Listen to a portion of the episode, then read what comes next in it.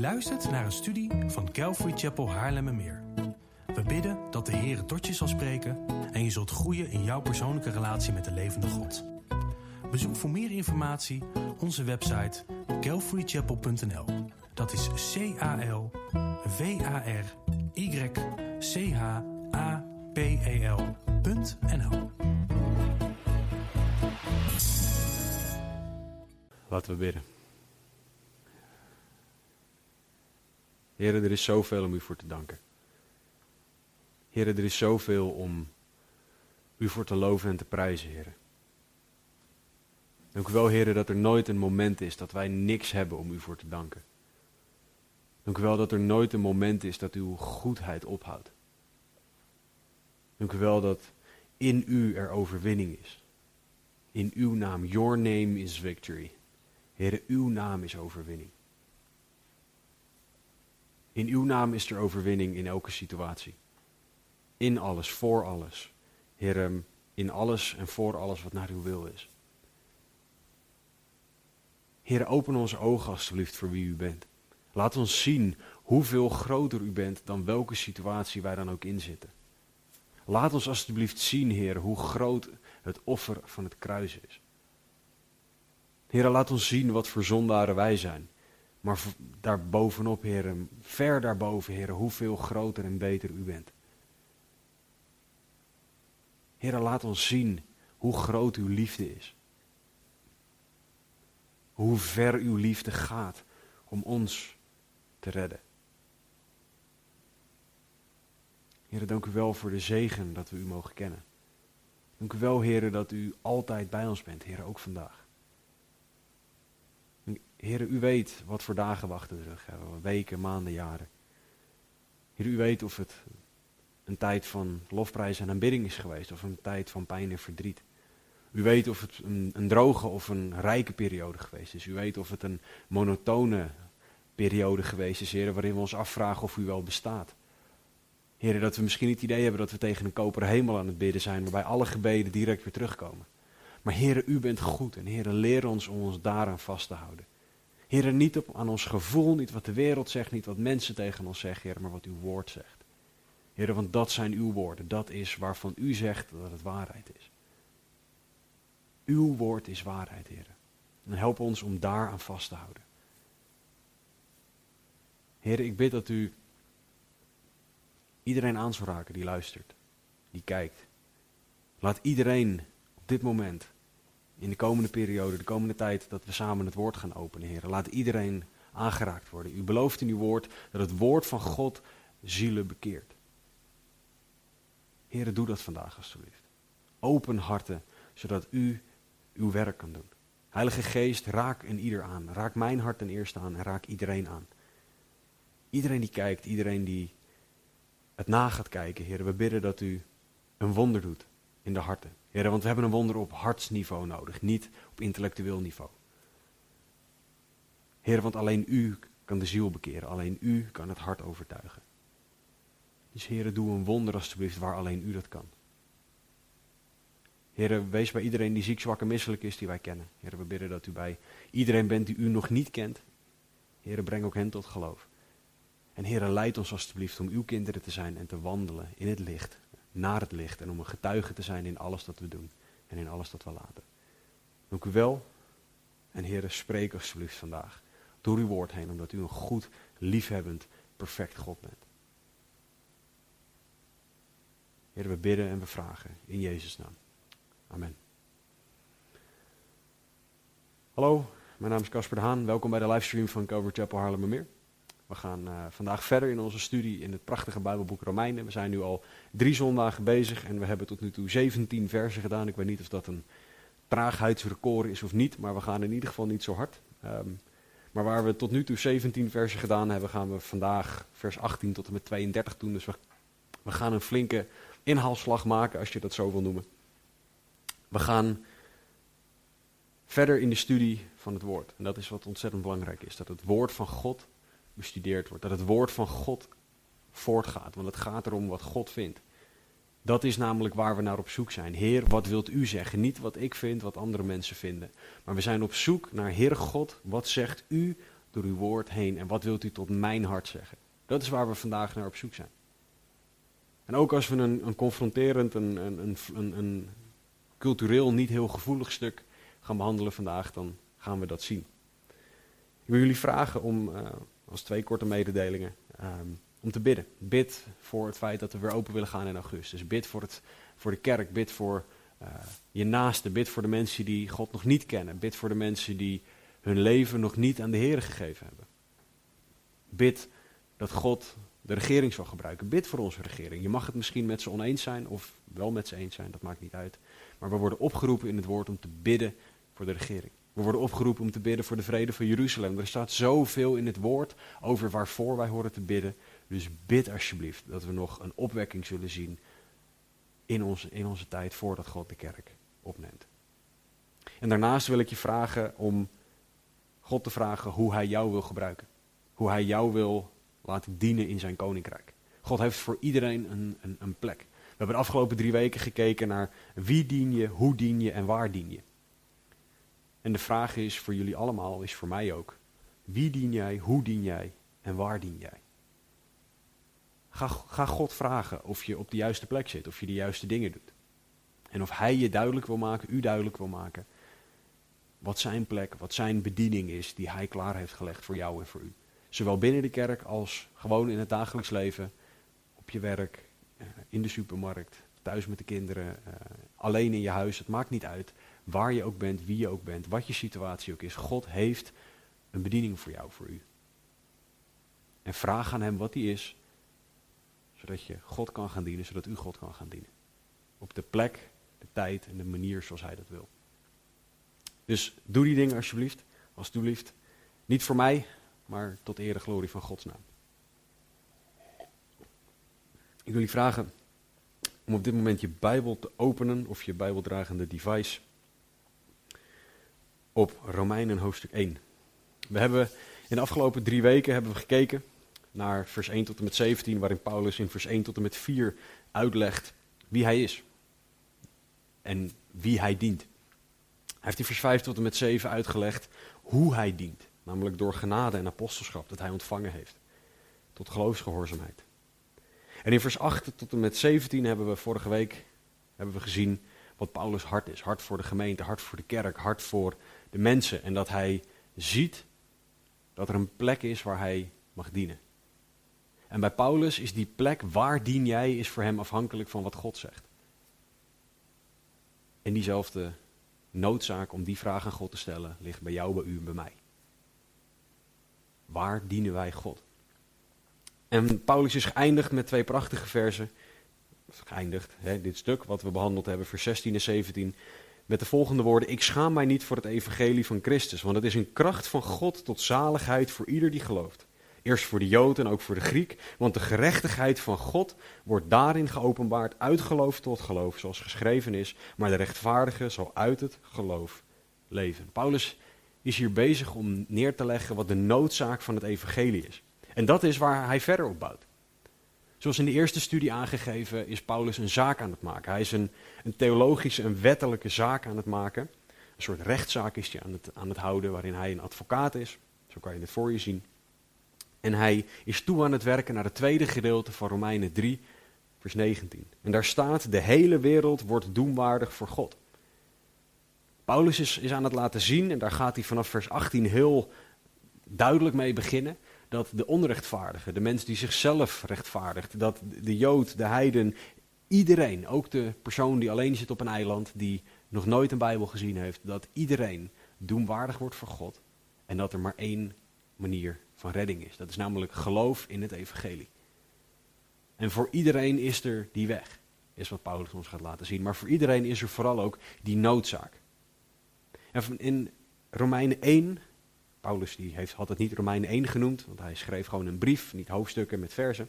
Maar voor ons Romeinen 1, vers 18 tot en met 32, is het gedeelte waar Paulus duidelijk gaat maken wat de noodzaak van het evangelie is voor de onrechtvaardigen. Waarom de onrechtvaardige? Nou, omdat vanaf hoofdstuk 2 hij gaat kijken naar de mensen die zichzelf rechtvaardig vinden. En waarschijnlijk schreef hij daar, zeer waarschijnlijk schreef hij daar aan Joden en andere mensen die een hele hoge dunk van zichzelf hadden en neerkeken op anderen. Namelijk de mensen uit hoofdstuk 1, vers 18 tot en met 32. De overduidelijke zondaren. Paulus gaat ze duidelijk maken, ja, zij zijn zondaren. Maar jullie ook. En jullie hebben het evangelie nodig. En dat is waar we vandaag naar gaan kijken, de noodzaak voor het evangelie. En dat dat strikt noodzakelijk is voor de mens. We gaan kijken naar het begin van het hoofdthema van deze brief. Rechtvaardiging. En dan rechtvaardiging door geloof. Rechtvaardiging door het evangelie. En die rode draad van rechtvaardiging, de noodzaak voor rechtvaardiging, hoe word je gerechtvaardigd en de uitwerking van rechtvaardiging, is in een notendop de hele brief Romeinen. En natuurlijk zitten er details in en we gaan echt de tijd nemen voor de details. Maar vandaag rechtvaardiging en de noodzaak daarvoor. Dat is waar Paulus mee begint en waar hij naartoe werkt richting Romeinen 3 vers 19. Het tweede gedeelte. Ieder mens heeft rechtvaardiging nodig, want de hele wereld is doenwaardig voor God. Normaal zou ik met jullie het hele stuk lezen en uh, daarna teruggaan. Vanwege de tijd zal ik dat vandaag niet doen. Vandaag gaan we um, steeds een stukje lezen en dan gaan we door dat stukje heen. Dus we zullen beginnen bij vers 18 en we gaan vers 18 tot en met 20 lezen en daarna gaan we er doorheen. Want de toorn van God, vers 18, Romeinen 1, wordt geopenbaard vanuit de hemel over alle goddeloosheid en ongerechtigheid van de mensen, die de waarheid in ongerechtigheid onderdrukken. Omdat wat van God gekend kan worden, hun bekend is. God zelf heeft het hun immers geopenbaard. Want de dingen van Hem die onzichtbaar zijn, worden sinds de schepping van de wereld uit zijn werken gekend en doorzien, namelijk en zijn eeuwige kracht en zijn goddelijkheid, zodat zij niet te verontschuldigen zijn. Tot zover. Nadat Paulus uitgelegd heeft in vers 16 en 17 dat het evangelie de kracht, de kracht van God is tot redding, gaat Paulus uitleggen waarom dat evangelie nodig is. Want het is op zich leuk als je een reddingsmiddel hebt. Maar als het nergens nuttig voor is, als er geen reden is om iemand te redden, is dat reddingsmiddel zo nutteloos. En Paulus die gaat duidelijk maken, jongens, jullie hebben dit reddingsmiddel nodig. En hij valt met de deur in huis. Hij zegt, de toorn van God, vers 18, wordt geopenbaard vanuit de hemel over alle goddeloosheid en ongerechtigheid van de mensen. Paulus is niet zo van subtiel en rustigjes aan erin komen en mensen warm maken ergens voor. Nee, hij vliegt er gewoon kniehoog in. De toorn van God wordt geopenbaard over alle goddeloosheid en ongerechtigheid van de mensen. Het kan maar duidelijk zijn. Paulus is zo duidelijk hier. Dit is wat de mens te wachten staat als er geen geloof is. Dit is wat de mens te wachten staat als het evangelie niet jouw reddingsboei is. Als het evangelie niet jouw kracht tot zaligheid is. Als jij iets anders hebt dat jouw kracht tot zaligheid is. Eigen werken. Ehm, ik hou van God op mijn manier in de plaats van op Gods manier. Ik heb God niet nodig. God bestaat niet. Allemaal dingen waar jij je aan vast kan houden. Waar u zichzelf aan vast kan houden die niet het evangelie zijn. En het gevolg is wat Paulus aangeeft in Romeinen 1:18. En dit is een, een oordeel dat zichtbaar wordt, die, die toorn van God wordt zichtbaar, zowel na dit leven, in de eeuwigheid, als ook in dit leven. En dat is waar Paulus specifiek op ingaat. Het effect van het feit dat mensen hem afwijzen. En wat voor, wat voor ehm, hoe dat zichtbaar wordt in de maatschappij. God is heel liefdevol in dit stuk. Het lijkt misschien niet, zeker voor degenen van jullie die dit stuk gelezen hebben en het misschien niet helemaal snappen of er vragen over hebben, kan het lijken dat God hier heel liefdeloos is. Maar God die is heel duidelijk hier. En liefde is ook heel duidelijk. Gods liefde is duidelijk. Want God zegt, dit is wel goed voor je en dat is niet goed voor je. Hoe liefdevol zou het zijn als ik tegen mijn dochters zeg, ja, omdat jij dat wil, mag je dat doen omdat jij de snelweg, de drukke A4 wil oversteken, omdat jij dat wil, omdat jij echt dat wil, laat ik je dat doen. Dat is hoeveel ik van je hou. Nee, het is juist liefde als ik tegen ze zeg, jullie blijven zo ver mogelijk bij die snelweg vandaan. Want het is slecht voor je. Het loopt slecht met je af als jij naar de overkant gaat proberen te lopen op deze manier. Dat is een uiting van liefde en dat is wat God doet. Onder andere in Romeinen 1, maar door de hele Bijbel heen. God laat zien wat juist is en wat niet juist is. En wat goed voor de mens is en wat slecht voor de mens is. God moet zegt dat de mens moet weten waar ze aan toe zijn.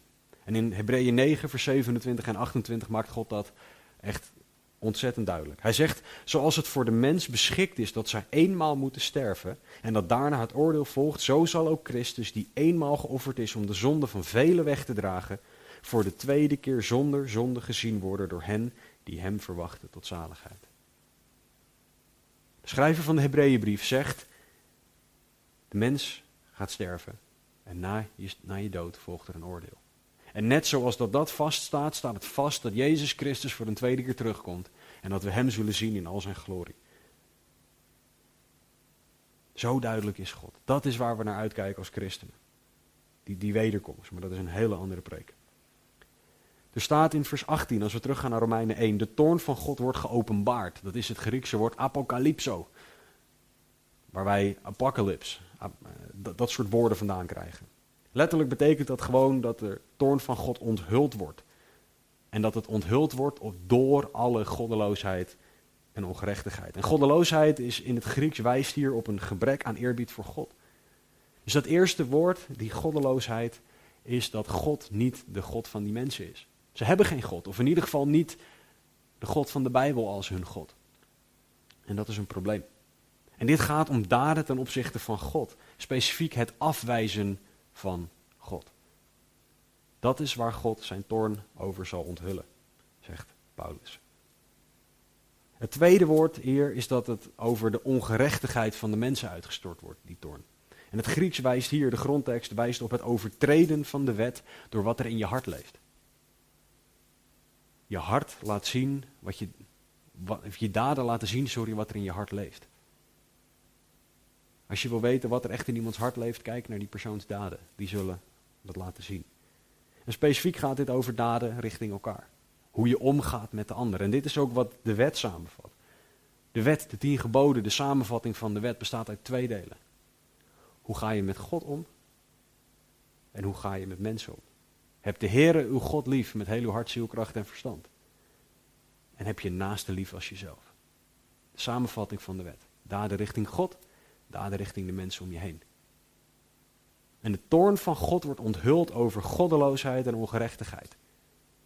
Geen God hebben en onrechtvaardig omgaan met de mensen om je heen. Dat is waar de toorn van God over openbaar, geopenbaard wordt. Goddeloosheid overtreedt het eerste deel van de wet, ongerechtigheid het tweede deel van de wet. En wat wij mensen daar doen, wij, jij, ik, u, iedereen, ik, ik ben zelf ook een zondaar. Ik sta hier niet vanuit een ivoren toren tegen het plebs te praten. Nee, ik zeg dit ook tegen mijzelf. Wij zondaren hebben hierom redding nodig, want van nature doen wij deze dingen. Van nature doen wij dingen die toorn verdienen. Alle mensen worden doenwaardig voor God, Romeinen 3:19. Dat is waarom wij redding nodig hebben en dat is waar de noodzaak van het evangelie zichtbaar wordt. Want dit, Romeinen 1:18, is wat de mens te wachten staat zonder het evangelie. En daarom hebben wij het evangelie nodig. Want deze daden kunnen, kunnen niet onbestraft blijven. God weet alles, ziet alles. God kent elk hart door en door.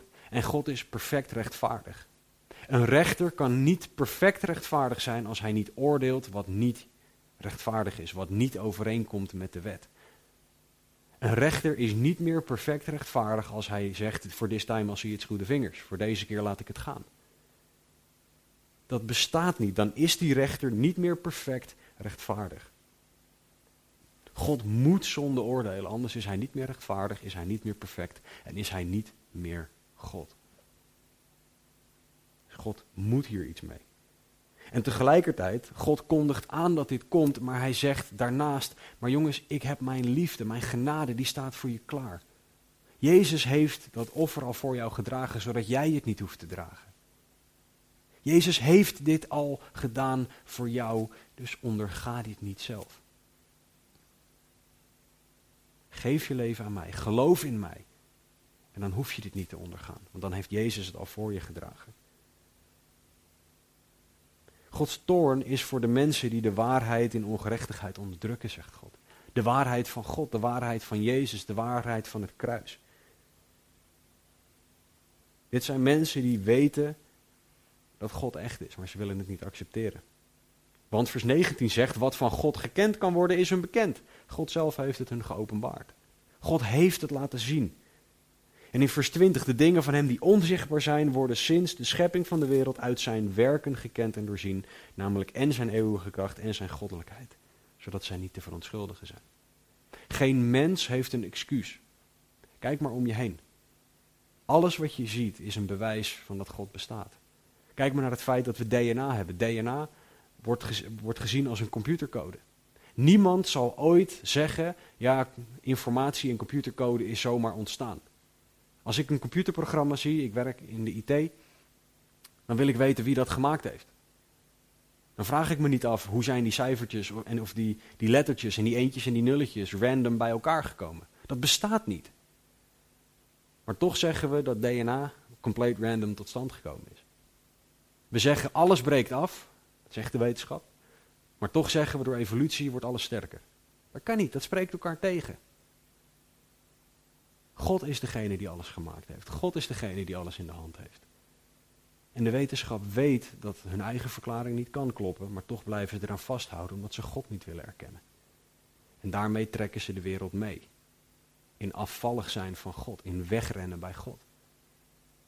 In de plaats van God erkennen en zichzelf onderwerpen aan God. En Paulus zegt dat ieder mens daarvan een besef heeft in vers 20. Ieder mens kan dit zien. Ieder mens kan Gods eeuwige kracht en zijn goddelijkheid zien. Het kan niet anders dan dat je naar de natuur kijkt en dat je weet, er moet meer zijn. Dit is nog zelfs de gevallen staat van de natuur. Hoeveel mooier is de natuur, was de natuur op het moment dat God het geschapen had. Nu is alles aan de zondeval onderhevig, breekt alles af. Wordt het steeds minder. Maar toch kunnen we hier nu al zien, in de natuur, door de schepping, dat er een schepper is. En die schepper is de God van de Bijbel, de God van hemel en aarde. De mens heeft het evangelie nodig. De mens, ieder mens is een zondaar. En ieder mens heeft dit evangelie nodig. Maar Paulus zegt, de staat van de mens is op het moment dat wij onderdrukken dat God bestaat. Dat wij niet willen toegeven dat de God van de Bijbel de enige echte God is. En hij zegt, daar zitten gevolgen aan. Maar daar gaan we, kom ik, kom ik later nog op terug. Want het probleem dat zich, dat zich nu voordoet, is wat we in vers 21 tot en met 23 zien. Laten we die versen lezen. Want zij, de mensen die God afwijzen, hebben, hoewel zij God kennen, hem niet als God verheerlijkt of gedankt. Maar zij zijn verdwaasd in hun overwegingen en hun onverstandig hart is verduisterd. Terwijl zij zich uitgaven voor wijzen, zijn zij dwaas geworden. En hebben zij de heerlijkheid van de onvergankelijke God vervangen door een beeld dat lijkt op een vergankelijk mens, op vogels en op viervoetige en kruipende dieren. Tot zover. Het probleem is, de mens weet wel dat God bestaat, maar de mens wil God niet aanbidden als God. Want we weten dat als we God aanbidden, dat daar gevolgen aan zitten. Dat we dan niet meer per se alles kunnen doen wat ons hartje begeert, omdat we dan andere dingen zullen willen. Maar we willen nu juist vasthouden aan wat nu goed voelt. Of wat we nu zelf willen. In de plaats van doen wat God juist vindt. De mens is verdwaasd in hun overwegingen. Wat betekent dat de mens ijdel, dwaas en dom is in hun denken. De mens denkt meer van zichzelf dan goed is. En uiteindelijk gaat de mens op de troon van God zitten. Ik bepaal, niet God. Ik weet wat goed voor mij is, niet God. Als God dat zegt en ik ben het er niet mee eens, dan doe ik het niet. Als God iets zegt, dan ga ik zeker weten de andere kant op. Want ik wil niet luisteren naar God. Dat is de houding van de mens. Dat is die verdwaasde houding. Een onverstandig hart dat verduisterd is. Letterlijk staat daar dat het een onintelligent, dom, zonder begrip hart is dat bedekt is in duisternis. Het is juist logisch, het is juist slim, het is juist een bewijs van wijsheid dat je God navolgt. De schepper van hemel en aarde, die alles weet, die precies weet hoe hij jou gemaakt heeft, hoe hij u gemaakt heeft, waarom, waarvoor, wat, hoe alles werkt. Het is juist logisch om hem na te volgen en niet om jezelf na te volgen. Dat is een, beeld, een teken van duisternis als je jezelf navolgt in plaats van de God die licht is. En dit is wat er met ons eigen denken gebeurd is. Dit is de staat van de mens en de reden dat het evangelie nodig is. De mens denkt zelf wijs te zijn. vers 22. Ze, zijn, ze geven zich uit voor wijzen. We zeggen heel slim te zijn. Kijk eens naar wat wij met de wetenschap allemaal kunnen, kunnen zeggen, bedenken en denken te kunnen verklaren. Maar tegelijkertijd zijn ze dwaas geworden, want ze wijzen God af. Ze hebben de heerlijkheid van de onvergankelijke God vervangen door een beeld dat lijkt op een vergankelijk mens. We zijn zelf goden gemaakt. Bijbelcommentator Warren Wiersbe heeft hierover gezegd: Door het onderdrukken van Gods waarheid en het weigeren om Gods glorie te erkennen, had de mens geen God meer. En de mens is zo gevormd dat ze iets moeten aanbidden. Als de mens de ware God niet aanbidt, zal de mens afgoden gaan aanbidden, zelfs als hij die zelf moet maken. In de citaat. Wat zijn daar nou voorbeelden van? Nou, bekende Nederlanders, bekende televisiesterren. Geld, carrière, seks, drugs, rock en roll, kinderen, religie, huwelijk. Dat kunnen allemaal afgoden zijn. Allemaal dingen die wij belangrijker vinden dan God. Allemaal dingen die wij boven God plaatsen. Allemaal dingen waar wij meer tijd, geld en energie insteken dan in God. Dat, dat is een afgod. Vroeger hadden ze beelden. Paulus die schreef deze brief vanuit Korinthe. Daar stonden rijen met afgodsbeelden. Hij was in, in Athene, daar stonden rijen met afgodsbeelden. Paulus schreef aan de kerk in Rome. Dat stond vol met afgodsbeelden. Fysieke beelden die je kon aanraken. En dat waren dan beelden van mensen of van dieren of een combinatie of wat voor gekkigheid mensen ook bedenken. Tegenwoordig hebben wij Instagram, Facebook, Twitter, internet, valt eigenlijk de vorige drie samen, maar oké. We hebben films, we hebben tijdschriften, voor zover die nog bestaan. We hebben zoveel dingen waar wij naar kijken in de plaats van naar de persoon God, naar Jezus Christus, die voor ons gestorven is. Al die dingen maken wij een afgod in de plaats van dat wij de God, de schepper, zelf aanbidden. Dat is waar Paulus het over heeft. Dat is wat de mens doet. Dat is de reden van die toorn van God die over de goddeloosheid en de ongerechtigheid van de mens uitgegoten wordt. Dat is wat de mens te wachten staat. In het toekomstige, maar ook nu al. Want je ziet dat de mensen dit nu al doen. Je ziet dat de mensen hier nu al mee bezig zijn. Paulus wil dat de kerk inziet, dat wij inzien, dat jij u inziet dat de mens gemaakt is om te aanbidden. Elk mens aanbidt iets of iemand. Kijk maar waar jij je tijd, je geld en je energie aan besteedt. Dat is je God. Waar ik jou wakker voor kan maken s'nachts, dat is jouw God.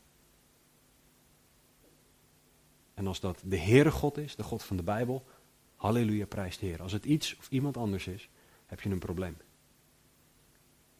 Want dan behoort jouw hart niet God toe. Een afgod aanbidden is leeg en zal nooit vervullen. Een afgod, bij een afgod is het nooit goed genoeg. Er is altijd iemand slimmer, mooier, beter, fitter, sterker dan jij. En anders komt er altijd op een gegeven moment wel iemand die jonger is. En die uiteindelijk slimmer, beter en mooier is dan jij. En een afgod houdt geen stand. Geen enkele van de afgoden is eeuwig. Terwijl God zegt dat hij eeuwig is. Terwijl de Bijbel over God zegt dat hij eeuwig is. Een afgod biedt geen eeuwig leven. God aanbidden betekent dat je inziet dat je zondig bent en dat je niet zo geweldig bent als dat je denkt. Misschien prik ik nu je ego door, sorry. Maar je bent niet zo geweldig als dat je denkt. God laat zien dat jij een zondaar bent. God aanbidden betekent dat je een relatie met Hem gaat opbouwen en dat je uiteindelijk bepaalde dingen niet meer wil gaan doen.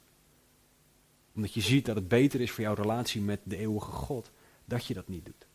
God aanbidden betekent dat je jezelf verlogent. Niet mijn wil, maar uw wil geschieden. En dat uiteindelijk je leven draait om God. Dat jij jouw tijd, jouw geld en jouw energie steekt in wat God wil dat jij doet. In de plaats van in je eigen dingen. En dit komt niet natuurlijk voor de mens. Dit vereist dat je tot geloof komt in de Heer Jezus. Dat je je leven aan Hem geeft. Dat je niet meer voor jezelf leeft. Dit is de beste manier om te leven. Geleid door de God die alles weet. Die oneindig veel van je houdt. Dit vervult, dit geeft rust, dit geeft zoveel liefde. Alles wat de wereld je niet kan geven. Alles wat elke afgod belooft, maar nooit zal leveren. Het moet altijd extremer bij een afgod. Het moet altijd meer. En in God is het genoeg, want God is genoeg. In God is de rust, omdat je zekerheid hebt.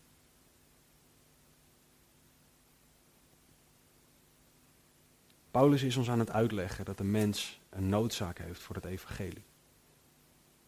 En hij laat zien wat de reden daarvoor is. En vanaf vers 24 gaat hij laten zien wat het gevolg is van de keuze van de mens. Hij laat zien wat nu al het gevolg is van de mens die in goddeloosheid en ongerechtigheid leeft, vers 18. Hij gaat laten zien wat nu al de toorn van God is die zichtbaar wordt. Over de mens die in goddeloosheid en ongerechtigheid leeft. Laten we lezen, vers 24. Daarom ook, daarom ook heeft God hen, de mensen die hem afwijzen, in de begeerte van hun hart overgegeven aan de onreinheid om hun lichamen onder elkaar te onteren. Zij hebben de waarheid van God vervangen door de leugen en het schepsel vereerd en gediend boven de schepper, die te prijzen is tot in eeuwigheid. Amen. Tot zover. Als de mens blijft volharden in het afwijzen van God, zal God zeggen: Oké, hier heb je het gevolg van je keuze. God zal de mens bevestigen dan in de keuze die de mens maakt. God zegt dan: Oké, jij wil niet voor mij kiezen, dan is dit jouw keuze. En daar ga je in. En daar ga je in mee. En dan ga je steeds verder in. Betekent niet dat God niet stopt. Of dat God stopt met die persoon proberen te trekken. Alleen hij ziet wel dat die persoon tegen hem kiest. God bevestigt de keuze die de mens zelf maakt. God zal namelijk niemand dwingen tot liefde. Gedwongen liefde bestaat namelijk niet. Liefde is een keuze. Niet iets wat je af kan dwingen. God wil geen marionetten, geen robots. Hij wil een relatie met mensen die bij hem willen zijn. Die de keuze voor hem willen maken. Die kiezen om van hem te houden boven iets anders. Dat is waar God naar op zoek is. Bij jou, bij u, bij ieder mens. Een relatie. Niet religie, performance. En de toorn van God wordt zichtbaar in het volgende. Als God de mens laat gaan, dan zal hij ook. Of als, God, als mensen God afwijzen, zal God de mens laten gaan. En dat klinkt misschien als iets. Nou, dat valt toch wel mee. Nou, het gevolg van al die dingen is waar we over lezen in vers 26 tot en met 32. De zonde die steeds heftiger wordt. De zonde die steeds zichtbaarder wordt, steeds meer normaal wordt in de samenleving. Zonde die steeds meer tot uiting komt in alles wat de samenleving doet. Het wordt steeds normaler om bepaalde dingen te doen. Dat wat goed is, wordt als slecht gezien en dat wat slecht is, wordt als goed gezien. Zoals er in de profeten staat. Dit is de toorn van God, dat God de mens met rust laat. In Hosea 4:17 staat er het volgende: Ephraim is verkocht aan de afgoden. Laat hem met rust. Dat is wat God doet. Als wij meer van afgoden houden, als de mens meer van afgoden houdt en blijft houden en volhardt in het blijven houden van die afgoden ten opzichte van het houden van God. Laat hem met rust. Is Gods houding dan? God laat de mens zelf kiezen en zelf de gevolgen dragen. En dat is het ergste wat je kan bedenken. Want dat betekent dat wij de volledig, het volledige gewicht van onze keuzes dragen. Met alle gevolgen van dien. Met alle eeuwige gevolgen van dien. Het gevolg is dat geen zonde te gek meer is. Niks gaat te ver en uiteindelijk moet alles, maar dan ook alles, kunnen. En dat is een hele enge gedachte.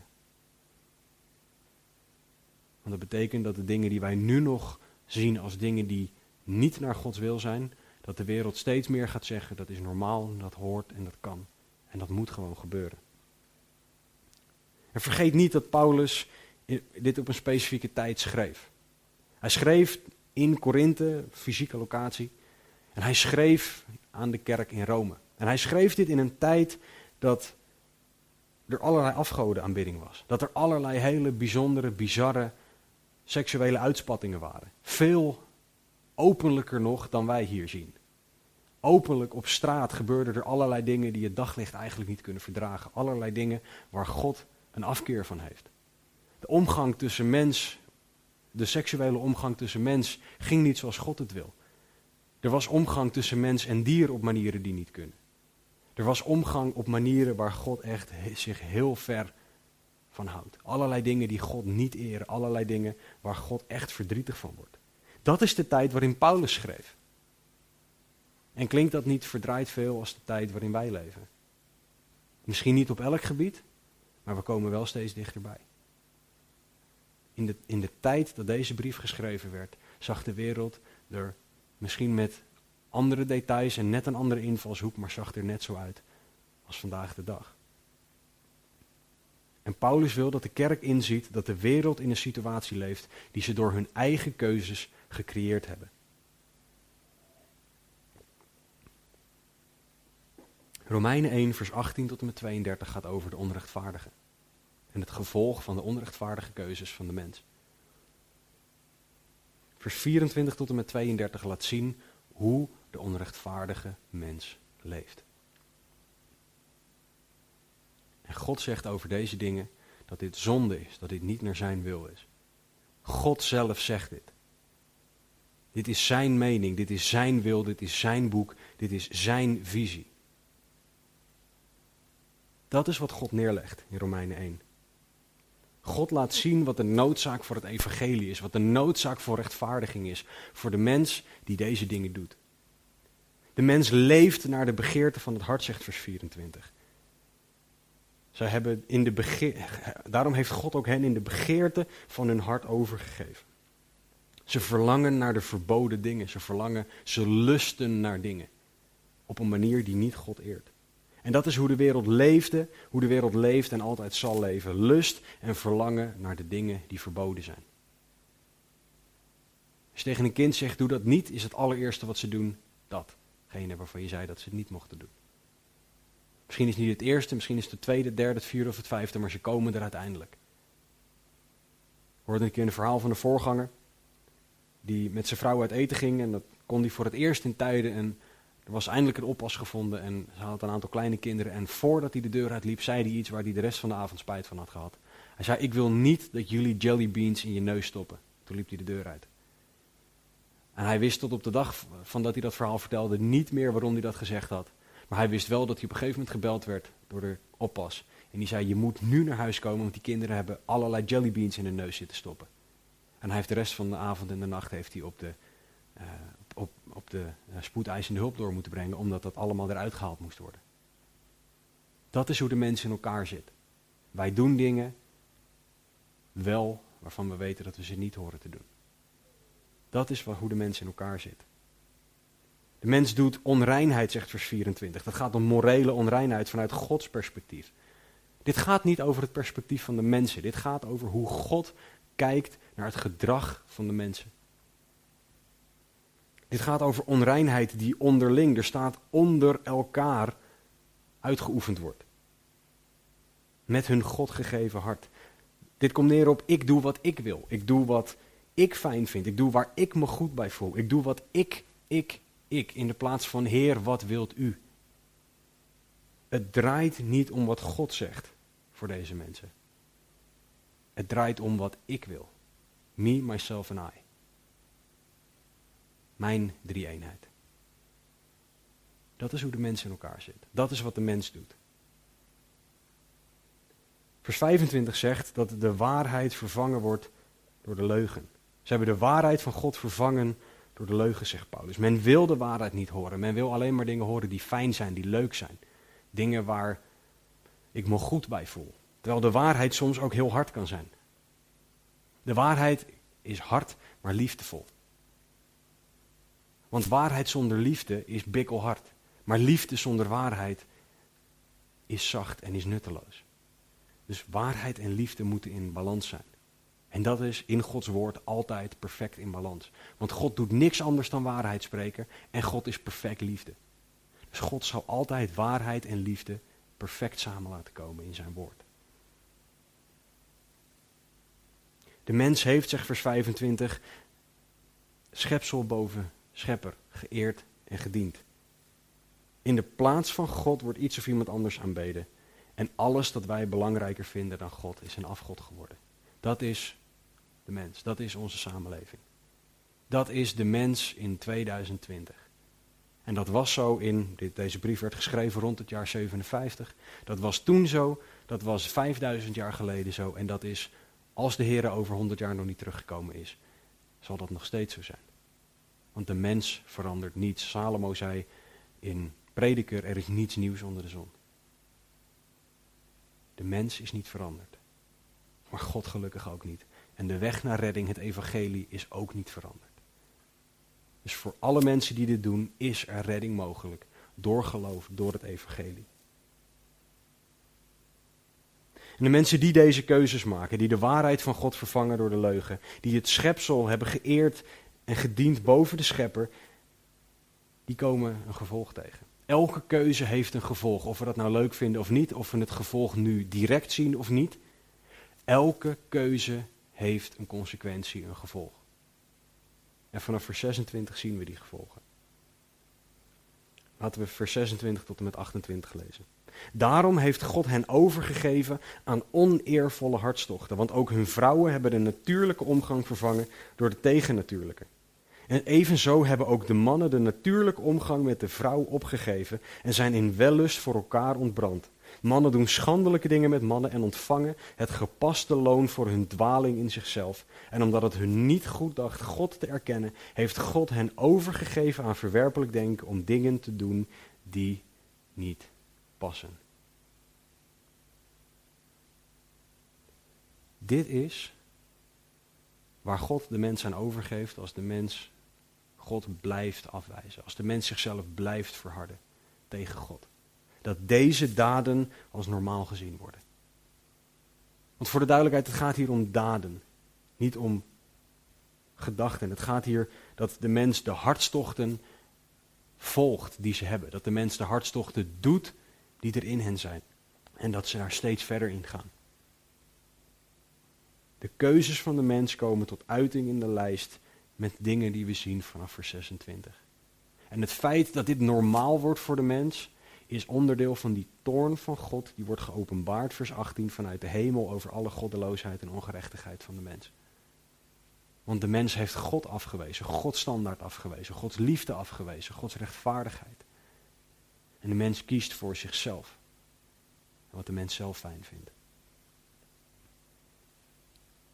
Er wordt gesproken over oneervolle hartstochten. Het Grieks spreekt hier over schandelijke en onterende hartstochten, oftewel dingen waarvan God zegt: dit is niet juist. Alles wat er volgt vanaf de woorden oneervolle hartstochten zijn dingen waarvan God zegt: dit is schandelijk in mijn ogen. Deze daden komen niet overeen met mijn wil. In vers 26 gaat het over vrouwen die de natuurlijke lichamelijke omgang vervangen door de tegennatuurlijke. Dat zit direct gelinkt aan wat er in vers 27 staat. Zo hebben ook mannen de natuurlijke omgang met de vrouwen opgegeven en zijn in wellust voor elkaar ontbrand. Mannen doen schandelijke dingen met, mannen, met mannen sorry, en ontvangen het gepaste loon voor hun dwaling in zichzelf.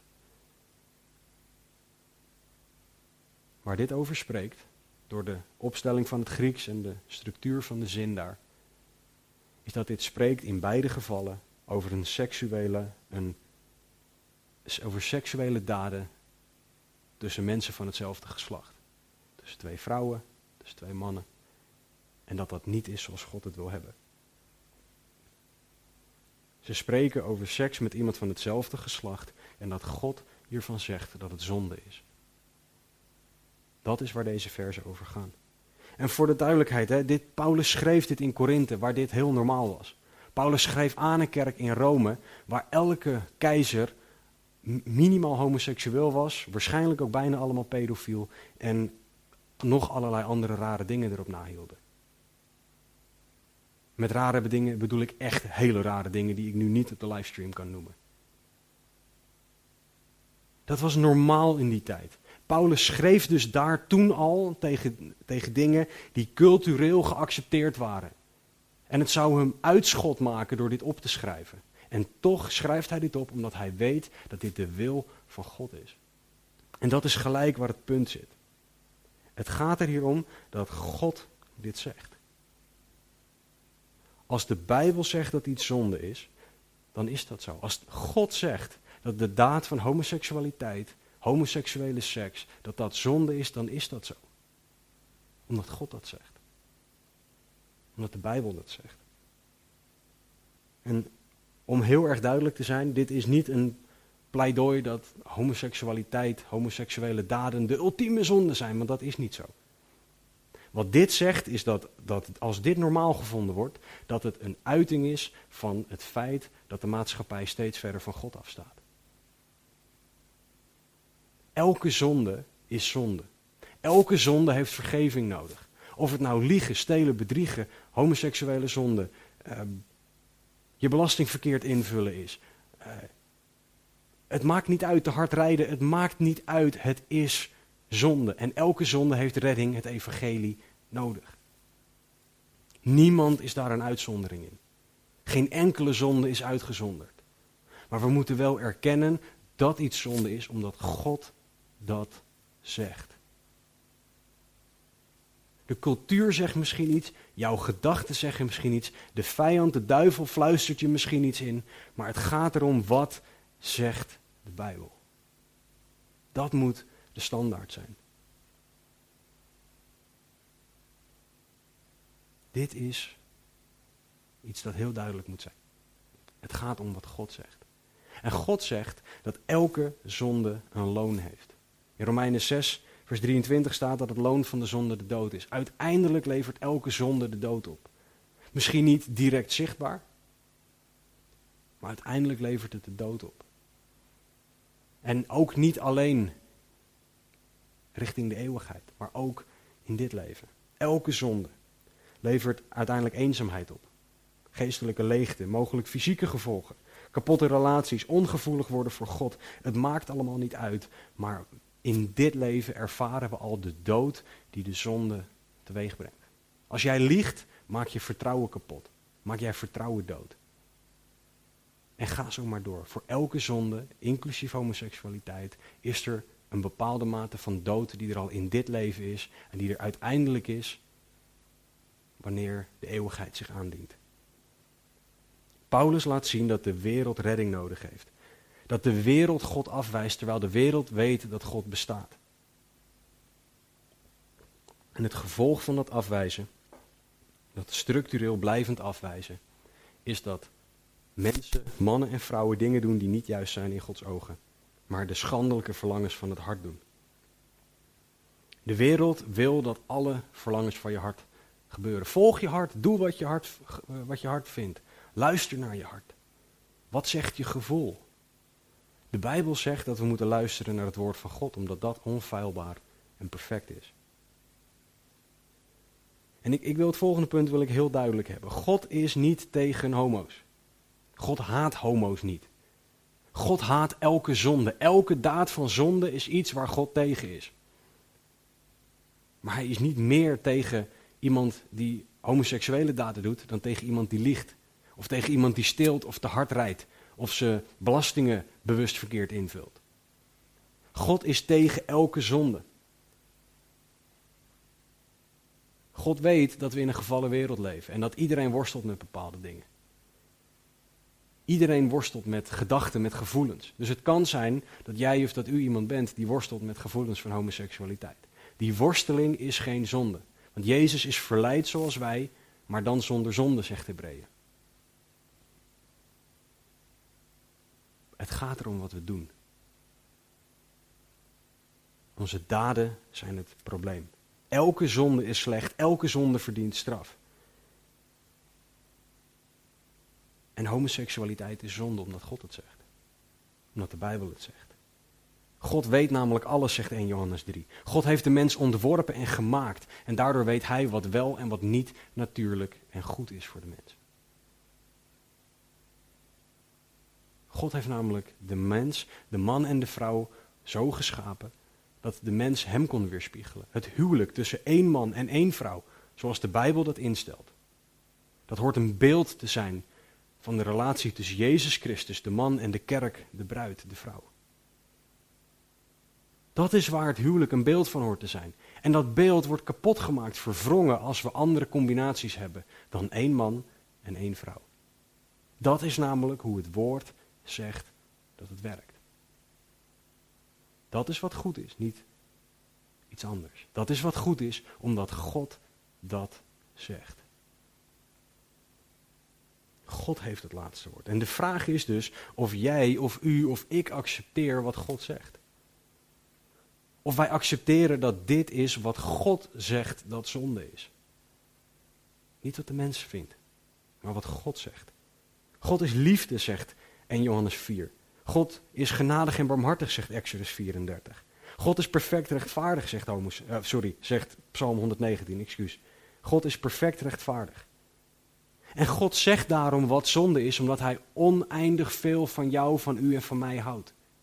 Daarom noemt God man en paard. Daarom zegt Hij dat de seksuele omgang tussen twee vrouwen, tussen twee mannen, elke andere vorm dan binnen het huwelijk tussen één man en één vrouw, dat dat zonde is. Daarom zegt God dat liegen zonde is. Dat stelen, bedriegen, moorden, allemaal zonde is. Omdat God weet dat die dingen slecht zijn voor ons. Omdat die dingen ons van God afhouden. Onze zonde brengt scheiding tussen mens en God, zegt Jesaja 59. En dit zijn de dingen die scheiding brengen tussen God en mens. Dat is waar Romeinen 1, vers 24 tot en met 31 en 32 een opsomming van is. Dingen die scheiding brengen tussen God en mens. En dit is waar de noodzaak van het evangelie, de kracht van God tot zaligheid, Romeinen 1:16, om de hoek komt kijken. Dit is wat de mens nodig heeft. Het evangelie. Terug te komen op het punt van homoseksualiteit. Een tegenwerping die je vaak hoort is, ja maar het is ook liefde tussen twee mensen. Daar kan ik niks op zeggen. Het kan heel goed, en ik geloof ook graag dat dat gebeurt, dat twee mensen van hetzelfde geslacht van elkaar houden. Maar de vraag is of alles wat wij als liefde zien ook is wat de Bijbel zegt dat liefde is. Het gaat er namelijk om hoe de Bijbel dingen definieert, hoe de Bijbel een huwelijk definieert, hoe de Bijbel liefde definieert. En de definitie in 1 Korinthe 13, die we daar van liefde zien, de definitie van liefde door het hele woord heen, is God zelf. Want God is liefde, zegt 1 Johannes. En die God wijst ons op zonde. Dus onderdeel van liefde is dat het laat zien wat wel en niet juist is in Gods ogen. Onderdeel van liefde is dat het op Gods standaard ligt. Niet op wat wij vinden of wat wij voelen of wat wij ervaren, maar wat God zegt. Want dat is het belangrijkste. De vraag is of wij God boven onze eigen mening stellen. De vraag is of wij God stellen boven de mening van de wereld. Paulus zegt dat iedereen op één hoop ligt. We zijn allemaal zondaren die redding nodig hebben. We zijn allemaal zondaren die het evangelie nodig hebben. De vraag is of jij of u of ik inziet wat God zegt dat zonde is en dat ik daarom, omdat God het zegt, zijn evangelie nodig heb. Dat is de vraag waar de mens voor staat. Zien wij de noodzaak van het evangelie omdat God zegt dat het noodzaak is? Of wijzen wij dingen af omdat wij dat vinden? Als we God afwijzen, hebben we gezien in vers 18 tot en met 23, dan zit er een gevolg aan. Alles vanaf vers 24. En de reden is omdat het hun niet goed dacht, vers 28, God te erkennen. Heeft God hen overgegeven aan verwerpelijk denken. Dit is wat we zien om ons heen. Dit is de staat van de wereld. De wereld die God afwijst. De wereld waar God de mens uit wil redden. Om te leven in het koninkrijk van het licht, zoals Colossense dat verwoordt. Niet in de duisternis. Geen mens is rechtvaardig. En Van Dalen definieert het woord rechtvaardig als dat wat in overeenstemming is of dat wat, eh, wat matcht met recht. Met wat rechtvaardig, wat juist is. En alleen God kan bepalen wat goed, wat recht en wat juist is. Niet wij. En dit vereist een keuze. Het is een keuze voor God of de keuze God niet te erkennen, zoals vers 28 leert dat de mensen doen. Het resultaat is dat God de mensen gang laat gaan en dat de keuzes steeds verwerpelijker worden, dat we steeds verder afraken van God. Omdat we steeds meer doen waarvan God zegt dat het niet juist is. Vers 29 tot en met 31 zijn daar het resultaat van. En dit is, vers 29 tot en met 31, waar de zonde van homoseksualiteit mee op één hoop wordt gegooid. Het is één hoop van zonde, waar allemaal de noodzaak voor het evangelie duidelijk moet worden. Vers 29. Ze zijn, deze mensen die God afwijzen, vervuld van allerlei ongerechtigheid. Hoererij, boosaardigheid, hebzucht, slechtheid. Ze zijn veel afgunst, afgunst sorry, of jaloezie, moord, ruzie, zelfs ruzie maken staat hier tussen. Even lekker ruzie maken, zegt de wereld. Nee, dat is volgens, volgens de Bijbel al een zonde. Bedrog, kwaadaardigheid, dus alles wat kwaad is. Kwaadsprekers zijn het, lasteraars, haters van God, smaders, hoogmoedige, trots men, trotse mensen, grootsprekers, overdrijvers. Wie overdrijft er niet wel eens? Dan ben je schuldig in Gods ogen. Bedenkers van slechte dingen. Zo ver gaat het. Ongehoorzaam aan hun ouders. Onverstandige, trouweloze mensen zonder, mensen zonder natuurlijke liefde, onverzoenlijk en onbarmhartig. Dit is de lijst van dingen waarvan God zegt, hiervoor is de evangelie nodig.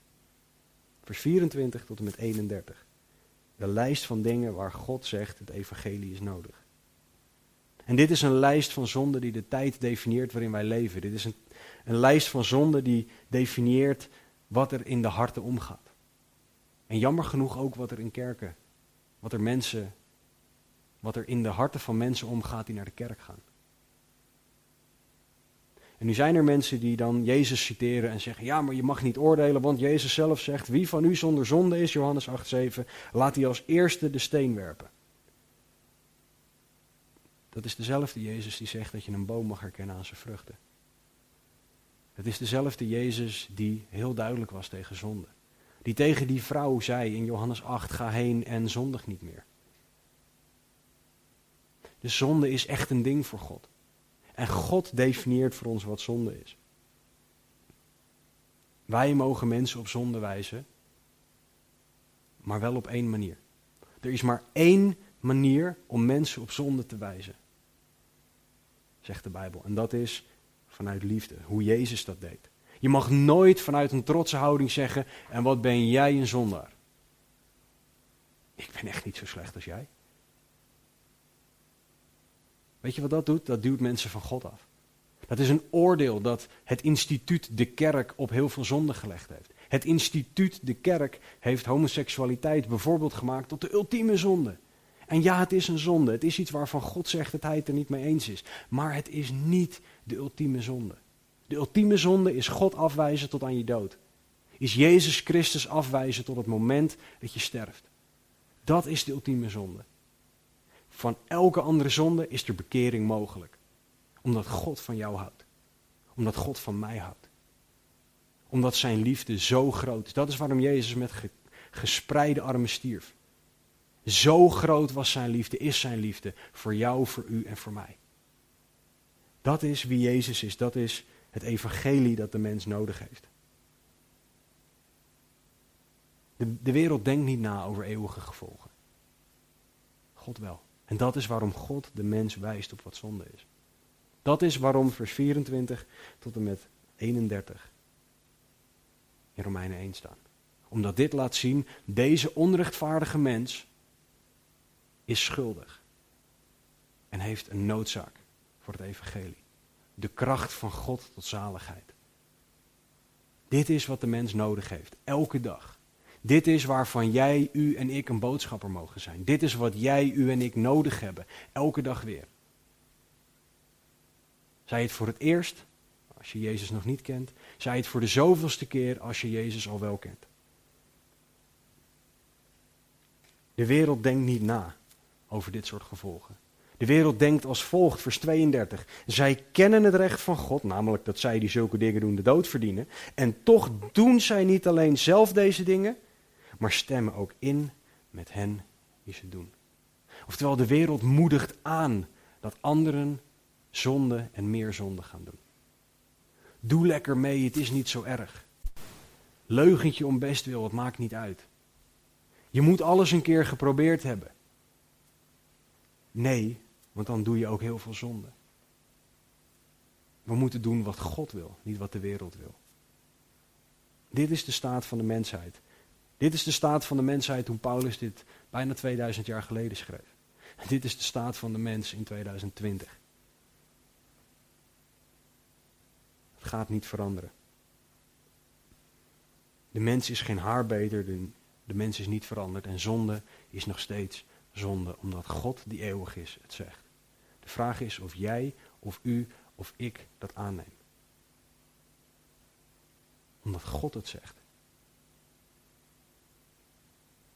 De God die zegt, dat is zonde, zegt, dat is de weg naar redding. Het kruis van Jezus Christus. Het evangelie. Dat is wat de wereld nodig heeft. Dat is waarvan Paulus zegt.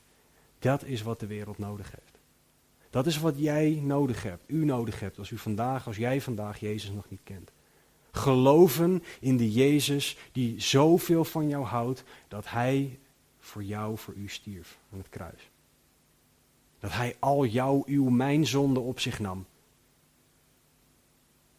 Dat Hij de straf droeg. Stierf, opstond uit de dood en daarmee overwon. Hij deed wat wij niet kunnen.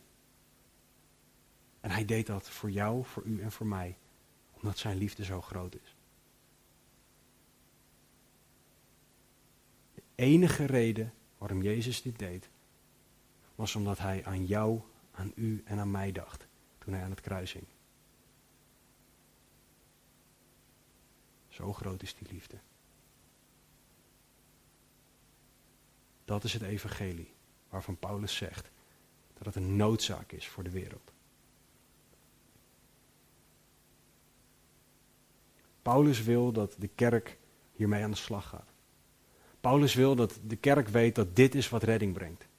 Dat het evangelie is wat noodzakelijk is. En ik denk dat er daarom drie dingen zijn die de kerk kan doen en daarmee ga ik ook afsluiten.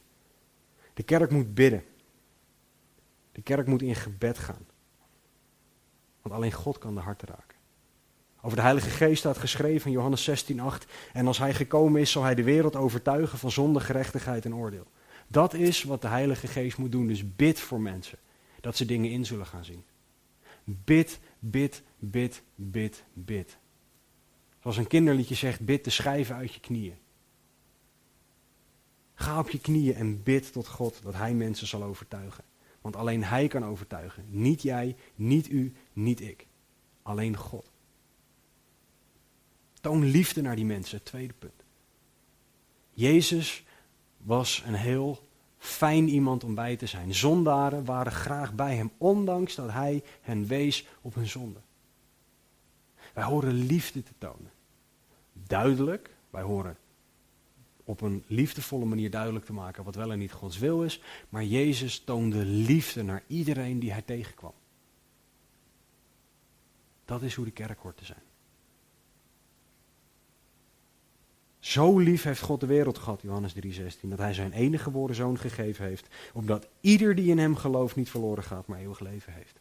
Het vers erna zegt dat Jezus niet gekomen is om de wereld te veroordelen, maar om redding te brengen. Dat is wat zijn liefde is. Dat is Jezus' houding naar de mens. Dat is wat de houding van de kerk naar de mens hoort te zijn. We horen te bidden, we horen lief te hebben en we horen het woord te verkondigen. Psalm 19 zegt dat het woord van God de ziel bekeert. Romeinen 10, 17 zegt dat geloof door het horen en horen door het woord van God. Oftewel geloof is door het woord van God. Dus ja, we moeten bidden. Ja, we moeten liefde tonen, maar we moeten ook het woord van God met mensen delen. Begrijpen ze alles? Nee. Zullen ze het met alles eens zijn? Nee.